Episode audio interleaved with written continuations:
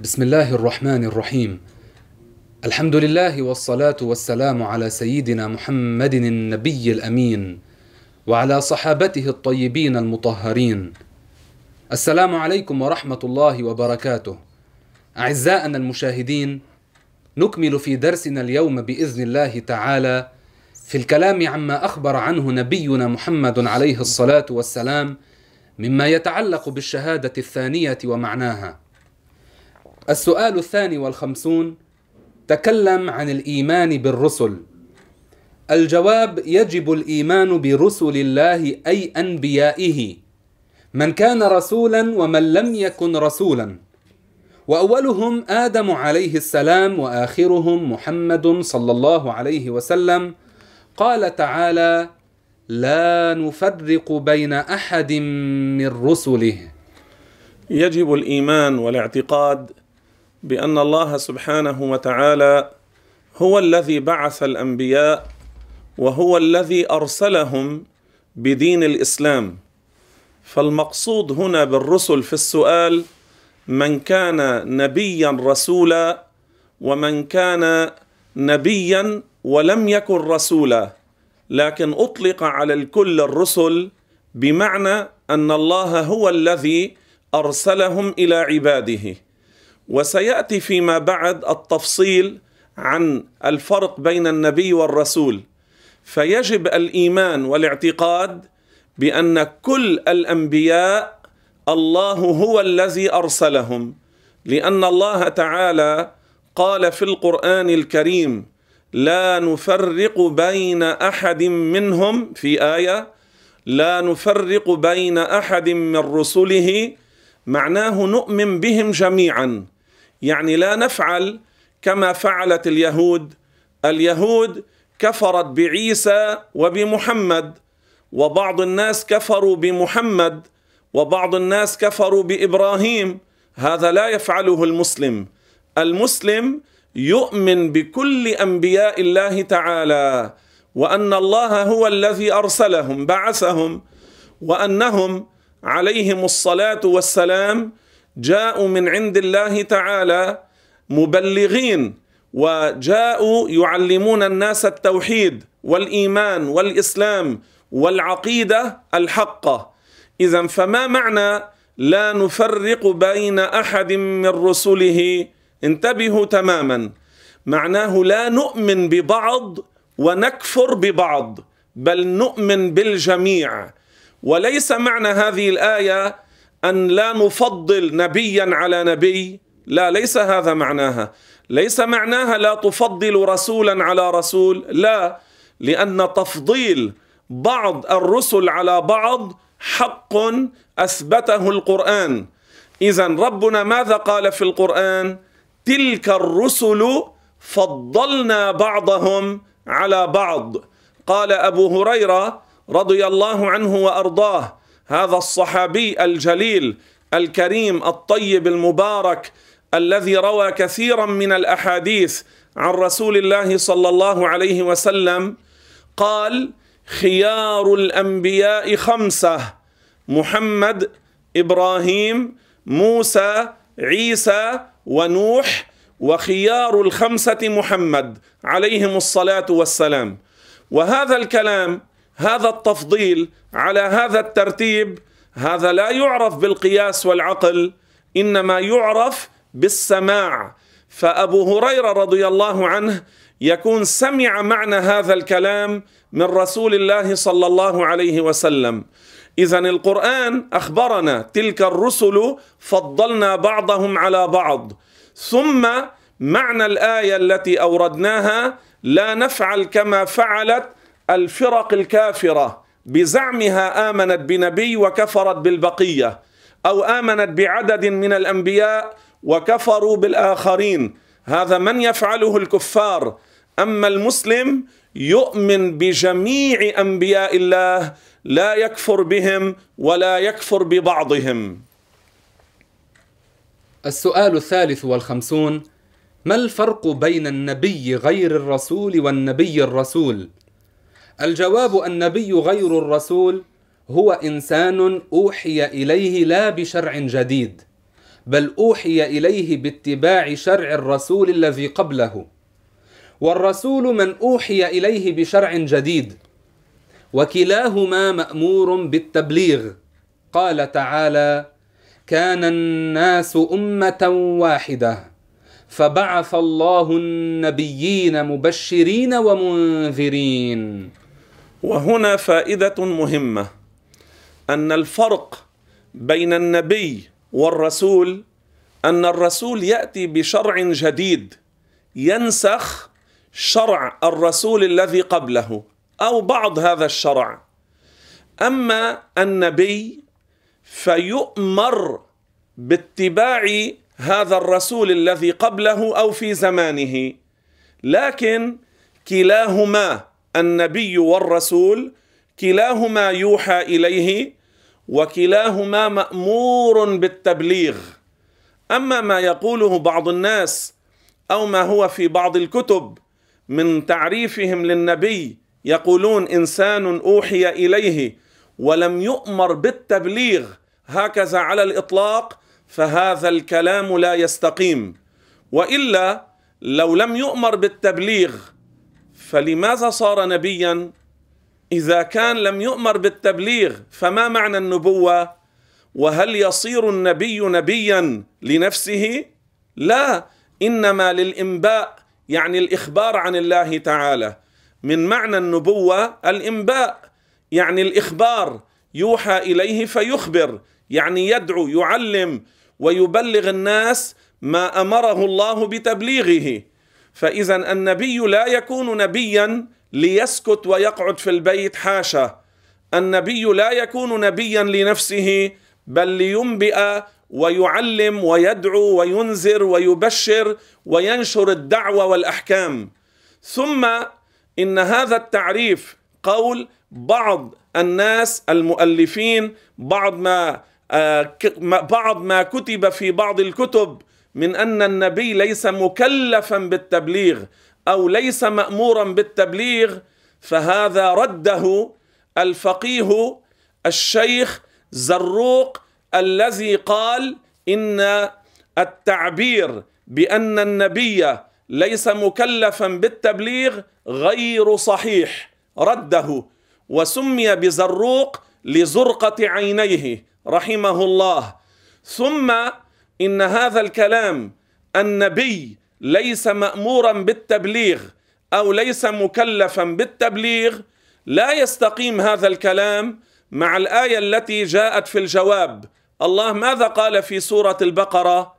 كان الناس أمة واحدة فبعث الله النبيين مبشرين ومنذرين. لاحظوا إلى قوله تعالى فبعث الله النبيين. لم يقل من كان رسولا فقط لأن النبيين تشمل النبي الرسول والنبي غير الرسول. اذا هذه الآية تشمل هذا المعنى وهذا المعنى. لذلك جاء فيها فبعث الله النبيين مبشرين ومنذرين. مبشرين من آمن بالجنة ومنذرين من كفر بالنار. لكن ما هو الفرق بين النبي والرسول؟ أن الرسول يوحى إليه بشرع جديد بنسخ شرع الرسول الذي قبله. أما النبي فلا يأتي بشرع جديد إنما يوحى إليه باتباع شرع الرسول الذي في زمانه أو قبله ويؤمر بالتبليغ والدعوة. هذا الأمر ينبغي أن يفهم وأن يعلم. إذا كان الواحد منا نحن الأفراد عوام الناس عوام المسلمين الله تعالى ماذا قال؟ كنتم خير أمة أخرجت للناس تأمرون بالمعروف وتنهون عن المنكر فكيف يكون النبي بزعمهم ليس مكلفا بالتبليغ؟ هذا لا يستقيم على إطلاقه. أما لو قيل إن النبي يوحى إليه بأمور خاصة هي متعلقة به وهذه لم يؤمر بتعميمها على الناس ولا بتبليغها للناس لأنه خص بها فكان الأمر لو كان هكذا قيل لكان الأمر هينا. أما أن يقال في تعريف النبي في مقابل الرسول الرسول مأمور بالتبليغ والنبي ليس مأمورا بالتبليغ هكذا بالإطلاق هذا لا يستقيم ولا يتفق أصلا مع الآيات الكريمة ولا مع معنى النبوة فينبغي أن يتنبه لذلك. السؤال الرابع والخمسون تكلم عن الإيمان بالكتب السماوية. الجواب يجب الإيمان بالكتب السماوية المنزلة على رسل الله وهي كثيرة. أشهرها القرآن والتوراة والإنجيل والزبور. وعدد الكتب السماوية مئة وأربعة. كما نقل ذلك الشيخ شمس الدين الرملي في كتاب نهاية المحتاج في شرح المنهاج. يجب الإيمان والاعتقاد والتصديق بالكتب السماوية التي أنزلها الله تعالى على أنبيائه الكرام. وهذه الكتب السماوية المنزلة على الأنبياء كلها حق وصدق وكلها كريمة وشريفة ومباركة.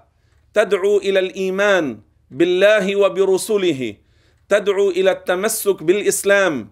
تدعو إلى التمسك بمعالي الأمور ومكارم الأخلاق. كل هذه الكتب السماوية الأصلية المنزلة على الأنبياء يجب الإيمان بها.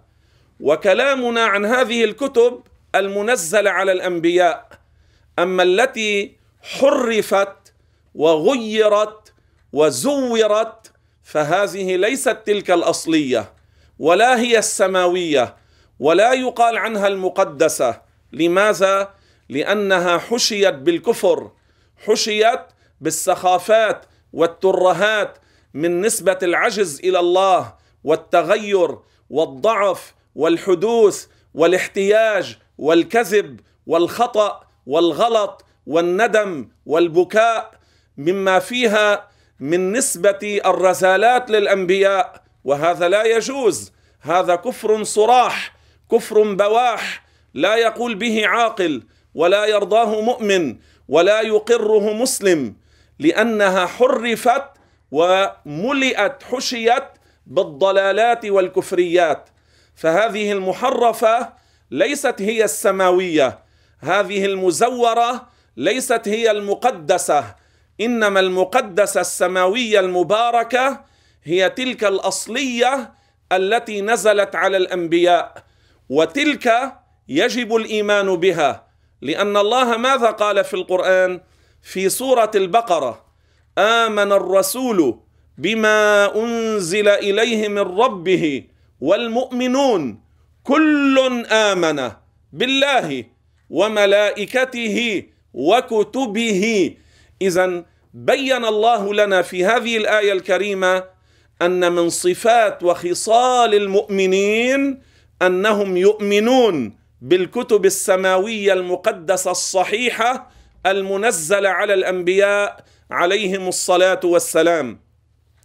أما القرآن الكريم فهو محفوظ من التحريف محفوظ من التغيير محفوظ من التبديل لأن الله ضمن أن يحفظه من التحريف. ماذا قال ربنا في القرآن الكريم؟ وإن كنتم في ريب أي شك مما نزلنا على عبدنا فأتوا بسوره من مثله وادعوا شهداءكم من دون الله إن كنتم صادقين. انتبهوا الآن. فإن لم تفعلوا ولن تفعلوا. الله قال ولن تفعلوا يعني قطع أطماع الكافرين. بأنهم لا يقدرون على ذلك. لا في زمن الرسول صلى الله عليه وسلم ولا بعده فيما يأتي من الأزمان. فقال ولن تفعلوا. وإلى الآن ما استطاعوا أن يأتوا بمثل أقصر سورة من القرآن. ثلاث آيات. أقصر سورة ثلاث آيات.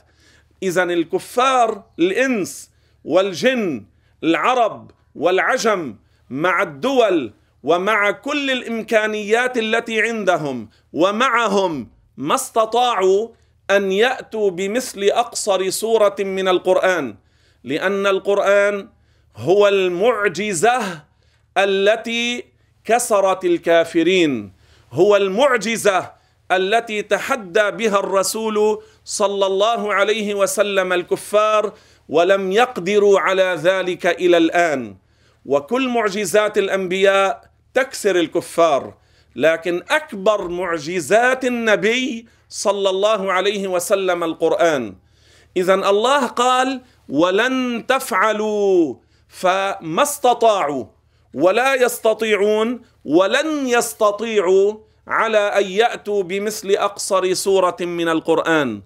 أما الكتب المحرفة المزورة المزيفة هي متناقضة متضاربة. ألف بعضهم وغيره ألف فنقض ما ألف هذا وهو نفسه هذا الذي ألف وادعى أنه كتاب سماوي. نفس هذا التأليف الذي جمعه في الورقه الواحده التناقضات. في الورقه الواحدة التناقضات والسخافات وهذا لا وجود له في موضع من القرآن. وحاشا ولن يستطيعوا لن يقدروا على ذلك لأن الله قال ولن تفعلوا. وماذا قال ربنا بعد في القرآن الكريم؟ الله ماذا قال؟ وإنا له لحافظون. اذا الله ضمن أن يحفظ القرآن من التحريف. وهنا انتبهوا معي جيدا. كل الكتب السماوية المنزلة على الأنبياء ليس فيها نسبة الأبوة أو البنوة إلى الله. لا آدم ولا داود ولا عيسى ولا موسى ولا نبي من الأنبياء نسب الأبوة أو البنوة إلى الله. لماذا؟ لأن الله قال في سورة الكهف وينذر الذين قالوا اتخذ الله ولدا. ما معنى وينذر؟ تهديد ووعيد بالنار بجهنم بالعذاب العظيم لمن نسب لله الولد. فهل يجوز أن يكون هذا الإنذار والتهديد للأنبياء والرسل؟ حاشا. كيف يكون إنذارا بالنار والعذاب للرسل؟ كيف يكون إنذارا للأنبياء بالعذاب وبجهنم. اذا هذا لا يجوز على الأنبياء. لا يوجد في الأنبياء من نسب الأبوة أو البنوة إلى الله لأن العقائد لا يدخلها النسخ لأن التاريخ لا يدخله النسخ وإلا لأدى ذلك إلى نسبة الكذب والعياذ بالله. فكيف العقائد؟ اذا لا يوجد في الأنبياء من نسب الأبوة أو البنوة إلى الله. الله قال لم يلد ولم يولد وهذا لا يدخله النسخ. ومستحيل أن يكون نبي من الأنبياء السابقين كذب هذه العقيدة فنسب لله الأبوة أو البنوة. هذا مستحيل لأنه يهدم الدين والعقيدة. والأنبياء جاءوا بالإسلام. ما جاءوا ليهدموا الإسلام. والله ماذا قال في الحديث القدسي الذي رواه البخاري وهو صحيح؟ قال شتمني ابن آدم ولم يكن له ذلك وأما شتمه إياي فقوله اتخذ الله ولدا. اذا هذا شتم لله. وهذا القرافي المالكي نقل الإجماع عن القاضي عياض الذي نقل الإجماع أنه قال من نسب الأبوة أو البنوة لله فهو كافر بإجماع الأمة. وهذا القاضي الفقيه المفسر أبو محمد ابن عطية الأندلسي المالكي في كتابه المحرر الوجيز في تفسير الكتاب العزيز في المجلد الثالث يقول إن تأويل ابن الله كلمة ابن الله لا يقبل فيها التأويل فلا يصح فيها دعوى المجاز فلو قال قائل أردت معنى الرحمة والحنو والعطف قال هذا غير مقبول. اذا هذه الكلمة لا يقبل فيها التأويل والقاضي عياض نقل الإجماع على كفر من نسب لله الأبوة والبنوة. والله قال إن هذا شتما له يعني الذي ينسب البنوة إلى الله. الله قال إن هذا يكون شتم الله. والقرآن فيه تهديد ووعيد وينذر الذين قالوا اتخذ الله ولدا. ما لهم به من علم ولا لآبائهم. كبرت كلمة تخرج من أفواههم. إن يقولون إلا كذبا. اذا فالتي تقول لابنتها يا ابنة الله أو لابنها يا ابن الله لو قالت ما قصدت المعنى الحقيقي هذه ليست من المسلمين بل القاضي عياض نقل الإجماع على كفرها. اذا الكتب السماوية ليس فيها نسبة الأبوة أو البنوة إلى الله ليس فيها تشبيه أو تجسيم فيها توحيد فيها الدعوة إلى التمسك بالأحكام بالأخلاق بمكارم ومعالي الأمور وفيها الزجر والنهي عن الخبائث وفيها المواعظ وفيها المواعظ. هذا في الكتب السماوية الأصلية. وليس صحيحا أن الإنجيل الأصلي رفع إلى السماء أو أن التوراة الأصلية رفعت إلى السماء. بل الذي ثبت في القرآن أنها حرفت. قال الله تعالى في القرآن الكريم فويل للذين يكتبون الكتاب بأيديهم ثم يقولون هذا من عند الله ليشتروا به ثمنا قليلا. فويل لهم مما كتبت أيديهم وويل لهم مما يكسبون. هذا والحمد لله رب العالمين. والسلام عليكم ورحمة الله وبركاته.